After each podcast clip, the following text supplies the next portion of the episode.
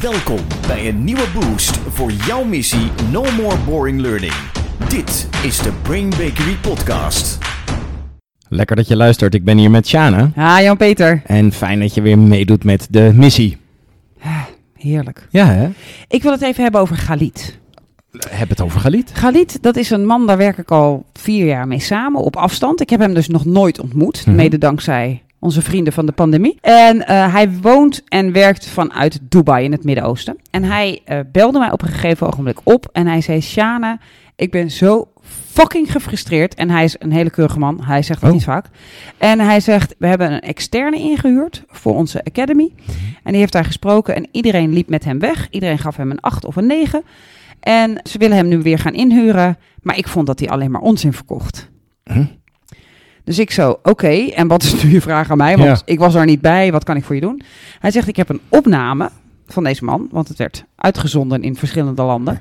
Wil jij eens kijken of ik me onterecht of terecht opwind over de content, de inhoud van deze man? En toen dacht ik, oeh, interessant. En toen zei ik, nou, ik ga even een voorspelling doen.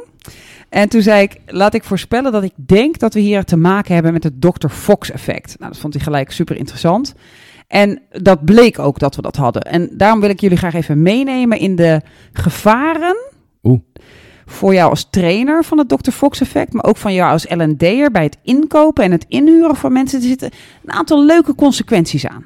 Wat leuk. Ja, Ja. Ik ben benieuwd naar die Dr. Fox. Ik ga het even vertellen. Kijk, Dr. Fox is namelijk een experiment geweest. Dat is eh, in Amerika aan de universiteit in 1970 gedaan. En de slachtoffers van deze, dit experiment waren artsen, Mhm. MD's en PhD's, psychologen. Ik vind het jammer dat ik moet vertellen, want ik ben er zelf één. Maar het is echt vreselijk. We trapten erin, we gingen erin met boter en suiker. Godswoord in een ouderling. Het was ongelooflijk. Wat er namelijk gebeurde was dat ze in 1970 eh, hadden ze een aantal colleges Mhm. eh, gemaakt, gegeven aan, eh, aan deze artsen. En daar hadden ze één college tussen gestopt van iemand die een acteur was. Die noemden ze Dr. Fox. Die was ook afgestudeerd aan, het Einstein, univer- aan de Einstein Universiteit. Oké. Gefingeerd. Ja. Gefingeerde achtergrond. En ze hadden hem een onderwerp gegeven dat, eh, en dat is wel belangrijk voor het experiment, onbekend is voor artsen en psychologen. Dus het ging over game theory. Dus een interessant onderwerp, maar niet iets waar zij al heel veel van weten. En ze hadden deze Dr. Fox gevraagd om heel veel double talk te gebruiken. Dus heel vaak dingen te herhalen.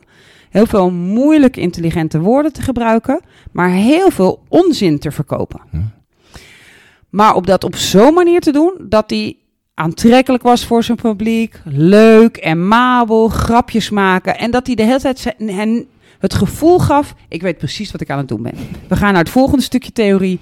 En dan weer wat herhalen, onzin verkopen, geen bronnen geven. Maar een gelikte, gladde, warme, liefdevolle presentatie te Mhm. geven. En vervolgens gingen ze kijken, we hebben zes van die colleges. Hoe wordt deze gescoord ten opzichte van de echte, waar echte professoren op zaten? eh, en op kwamen draven en echte verhalen vertelden met echte content. En tot hun grote schrik en verbijstering en mijn diepe schaamte Ja. bleek het totale onzin te zijn. Want ze hadden alles uitgeschreven. Maar bleken de mensen die er in de zaal zaten, dus mijn psychologenvrienden Mhm. en de artsen, bleken deze man supergoed te vinden. Wow. Ze vonden me niet alleen supergoed, Ja. maar toen hen gevraagd werd in welke mate vind je dat jij geleerd hebt van deze Ja. onzin, eh, gaven ze ook nog aan heel veel. Soms zelfs meer dan een van de echte Van de professoren die echte informatie had gedeeld. Ongelooflijk. En dit werd toen bekend als het Dr. Fox effect. Wat leuk. En dan en pak ik wat hem triest ook, maar wat leuk. Ja, wat een interessant onderzoek. verschrikkelijk. Ja, Ja. dus de implicatie is, en hij is een aantal keer gereproduceerd, dit, dit, dit soort onderzoek, is dat als iemand dus aardig en mabel, zeker van zichzelf, overkomt Mhm. en toch onzin verkoopt, dan nemen we dat bijna niet waar. Het is bijna alsof onze bullshit detector Ja. onder zoveel zekerheid, gezag en mabiliteit ten onder gaat. Het onderzoek is ook gereproduceerd waarbij ze de inleiding van wie deze man was weg hadden gehaald. Dus je had geen hoge status, er was geen Einstein Universiteit. En er was zelfs gewaarschuwd, wees goed kritisch op welke content hij levert. zelfde resultaten. Oh, echt waar? Ja. Dus het zat echt in hoe hij daar deed. Ja, Ah. en dit heet het Dr. Fox effect. Ja. En toen ik het filmpje ging kijken dat Galit mij had doorgestuurd van hun externe Ja. presentator, dacht ik, net als Galit, ja, dit ziet er heel leuk uit. Je bent amabel, je maakt grapjes, je doet het ook nog leuk op camera. Je hebt ook leuk haar, je ziet er gewoon lekker uit. En je klinkt zelfverzekerd. Je klikt ook je slides op zelfverzekerde wijze door. Hij zei op een gegeven moment ook, ja, en nu hebben jullie natuurlijk deze vraag in je hoofd. En ik dacht echt alleen maar, ik denk dat niemand die vraag in zijn hoofd had. Maar omdat ik, aangezet door Galit, Ja. heel kritisch keek. Ja. Als ik dus niet kritisch had gekeken, had ik gedacht, ja, waarschijnlijk heb ik die vraag in mijn hoofd. En was ik er gewoon ingetrapt. En dit is het Dr. Fox Wauw. effect. En dit gaat dus verder dan bluffen. Want ik hoor een soort Ja. bluff-element erin. Hè? Ja, Doen alsof klopt. je heel veel kennis van zaken hebt je erheen. Maar het gaat verder dan dat, als ik jou goed hoor. Ja, een, onderdeel van toen ze het gingen testen zat hem in een soort... Ben je vaardig voor de groep? Hè, dus Ja. voel je je in je element voor de groep en, Ja. en straal je daar dus wat zekerheid in uit. Ja. Dus dat zou je bluff-effect kunnen noemen. Maar het zat hem vooral in hoe amabel, charmant, grappig sta je voor de groep.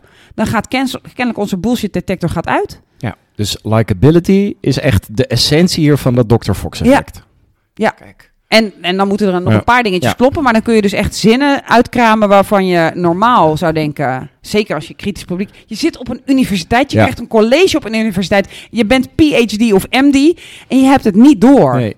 Dus dat wil zeggen dat dit iedereen kan overkomen. En ik, ik wil daar een aantal aspecten van uithalen. En het Mhm. eerste aspect wat ik eruit wil halen is eentje waarvan ik denk dat sommige mensen die wel hebben meegemaakt, is dat de hele groep, net als bij Galit, heel enthousiast is over een spreker. Want we hebben lekker gelachen, het was leuk, het was amabel. Maar als je vervolgens vraagt, echt kritisch, en wat kunnen wij hier nu echt morgen anders mee doen? Wat hebben we hier echt aan? Dat er dan echt gewoon een soort leegte ontstaat, omdat er misschien wel helemaal niks in zat. En dat is dus iets om heel alert op te zijn als inkoper, als inhuurder van sprekers. Of ook als trainer en je vraagt een andere trainer om bij je te komen trainen. Is er een beetje tegenstand in de zaal? Wordt Ja. er af en toe een kritische vraag gesteld? Zorgt de spreker dat er kritische vragen worden gesteld? Ja. Want als dat dus niet gebeurt, zou het kunnen zijn dat je in het Dr. Fox effect zit. Ehm, en ik merk zelf ook wel eens dat ik als trainer, dus nu flip ik hem over even naar de Mhm. sprekerskant. Ik heb een stand in mij die ik aan kan zetten. Dat is de soort de entertainment stand. Die kan ik altijd oproepen als wij als trainers ergens met een groot traject zitten. En we zijn een grote zaal en we zijn in paniek. En er moet even vijf minuten iets geroepen worden. Ik kan hem aanzetten en ik kan altijd praten. En ik weet dat mensen denken, hé wat leuk. Ja. Maar als je diep nadenkt, dan denk je wel, pardon, maar waar ging dit over? Waar zijn je bronnen? En ik denk dat er best veel trainers zijn die zo vaak voor de groep hebben gestaan, zo ga- zijn gaan geloven in mensen vinden mij te gek, Ja. dat ze heel erg vaardig zijn geworden in likable zijn, in aardig zijn en leuk en charmant voor de groep zijn, maar dat hun inhoud best wel shocking is. Ja. En dus, als ik het goed hoor, een graadmeter dat het aan de hand zou kunnen zijn, is dat je eigenlijk geen weerstand, geen kritische vragen vanuit je groep krijgt. Ja. Ja, ik probeer altijd op te letten sinds ik dit effect ken. Ja. Van, komt er wel eens een doorvraag Ja. of een vertel me even meer? En die merk ik ook dat ik die wil hebben, want dan word ik beter. Ja. Want als ik Ja. een soort challenge voel, dan moet ik op het scherpst van de snede iets goeds leveren. In plaats van ladida en toen gebeurde er dit en ik hou lekker mijn volgorde aan. Dus het inbouwen van kritische vragen, overleg eens met elkaar. Wat zou je hierover kunnen vragen? Welke informatie mis je nog? Als je dit zelf zou eh, willen toepassen, wat zou dan een kritische vraag zijn die jij zou kunnen krijgen van je klanten? Het zorgen dat er kritiek terugkomt, voorkomt het Dr. Fox Ja. effect. Ja. Of het gewoon een totale stuntelaar zijn, kan het ook voorkomen natuurlijk. Hè? maar als je merkt dat je best charmant bent voor een zaal, is het heel belangrijk dat je, ja, kritisch, dat je zorgt voor kritisch denken. Want het, je schakelt het dus bijna uit Ja. met je aardigheid. Ja. En voor mensen die denken dat gebeurt bij iedereen, maar niet bij mij. Nee, ook jij. Denk aan die artsen en die PhD-psychologen. Super kritisch in Ja. een kritische omgeving. Boter en suiker erin. Ja, dus het overkomt iedereen. ja, ook los van de L&D-wereld. Ja. Weet als je naar een winkel gaat of zo... en ik ben daar met, met Tess, die over het algemeen vaak iets kritischer is... en ik denk, nou, wat ben jij leuk, die, die medewerker van die winkel... geeft dan advies en denk, ah, doe maar, Doe joh. maar. Ja, Ja. en dan, eh, dan gaat hij nog een paar kritische vragen Ja. stellen. Eh, Dat was toch... eh, Dat was toch hartstikke leuk? goed? Ja, goed verhaal. een leuk verhaal Ja. gedaan. Ja. Dus ons kritisch vermogen, zelfs als we daar dus op afgestudeerd zijn en voor betaald worden, Ja. gaat onderuit onder het Dr. Fox effect. Ja. Kan het ook dat, geen idee of dat in het onderzoek zat, maar dat eh, een deel van bijvoorbeeld die studenten bij die acteur, die Dr. Fox, dacht: Ik vind jou leuk, dus geloof ik je. En een deel niet, want likability is natuurlijk niet een universeel iets. Dus het kan dat de ene persoon iemand wel leuk vindt of niet. Ehm, nou, waar ze het op terug wisten te brengen is, als je het gevoel hebt kennelijk als luisteraar, deze persoon of zijn of haar stijl me nou aanstaat of niet, doet een poging, een toenadering om leuk en om, hè, die is bezorgd om ons, die is bekommert zich om ons, die wil het een beetje leuk maken, dat dat dus het kritisch denkvermogen erg naar beneden doet halen. En ik denk dat heel veel trainers die nu luisteren, die vaak co-trainen met een ander, soms wel zich hebben afgevraagd. Ik vind je verhaal eigenlijk helemaal niet sterk van een andere co-trainer. En, maar ja, kennelijk loopt iedereen niet meer weg. het gaat erin als de koeken. Ja. Ik zie niet wat je ermee zou kunnen, maar kennelijk klopt het. Ja. En dat je nu weet, nee, nee, nee, dit is gewoon Dr. Fox effect. Ja. Uh, Je moet dus jezelf dwingen om te denken, ja, en wat kan ik hier nou mee? Wat leer ik hier nou van? Wat, wat, hoe vertaal ik dit naar de praktijk? En als je die vraag stelt, dan moet er dus een geweldig antwoord komen. Anders weet je, ja, het klopt gewoon niet wat Nee. hier gebeurt. Kun je als trainer Dr. Fox effect ook nog voor je gebruiken? En dan bedoel ik niet, haha, ik laat ze er lekker intrappen, maar om zelf beter te worden als trainer? Ja, dus inderdaad, als jij, zeker als je uit de inhoud zelf komt en je bent heel erg eh, technisch begaan met de inhoud en eh, je zit een beetje op wat wij wel het achterwiel noemen. Hè, de content van jouw boodschap is veel belangrijker, de, het achterwiel van Ja. de fiets is veel belangrijker dan je mensenkennis dan de voorkant.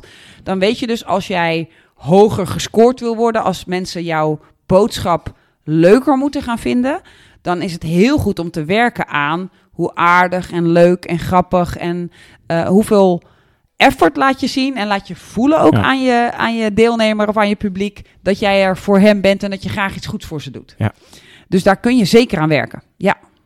Het is in die zin een negatief effect, Ja. maar je kunt het ook voor je eigen ontwikkeling eh, gebruiken. Ja. Ja. Om een hogere score ja, te krijgen. Ja, Ja. En de, de red flag dat het aan de hand is, is dus... je krijgt nooit doorvragen, kritische vragen. Leg me eens even uit. Ja. Dat Ja, dus, dingen. dus Ja. de opdracht die dat voor ons als L&D'ers inhoudt, is dat we ons altijd blijven afvragen: wat levert dit nou op? Wat kan ik hiermee? Waar leidt dit mij naartoe? Waarom vertel je mij dit? Wat wil je dat ik hiermee doe? Ja.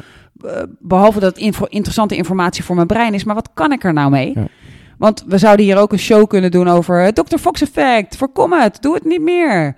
Maar zonder wat zijn de consequenties? Wat kun je ermee? Heeft het, ja, heb je wel leuk geluk naar een grappige podcast.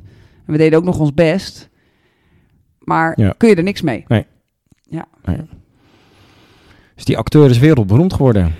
Maar, Ja. maar wel als Dr. Fox. Ja, Ja. ja, ja. En het filmpje, dat is nog even leuk om te vertellen voor iedereen, is, staat op, de, eh, op onze website. eh, met een artikeltje van mij erbij, nog meer informatie. Maar dan kun je dus ook echt de Dr. Fox aan het werk zien. En je kunt ook Oh, echt leuk. horen dat hij gibberish spreekt. Oh, goed. Eh, dus klik daar eventjes op en verwonder je even over hoe, hoe goed gelovig wij men, als mens zijn Ja. als iemand aardig is. Ja. Ja. Cool. Wat een heerlijk onderzoek. En wat een bijzonder effect. Ja, Ja, ik moest even nadenken. maar- Ja. ja, wat een bijzonder effect. Lieve mensen, enorm dank voor het luisteren. En eh, we zien jullie, spreken jullie, jullie horen ons de volgende aflevering weer. Yes. No more boring learning. Dit was de Brain Bakery podcast. Wil je meer weten? Kijk dan op brainbakery.com of volg ons op onze socials.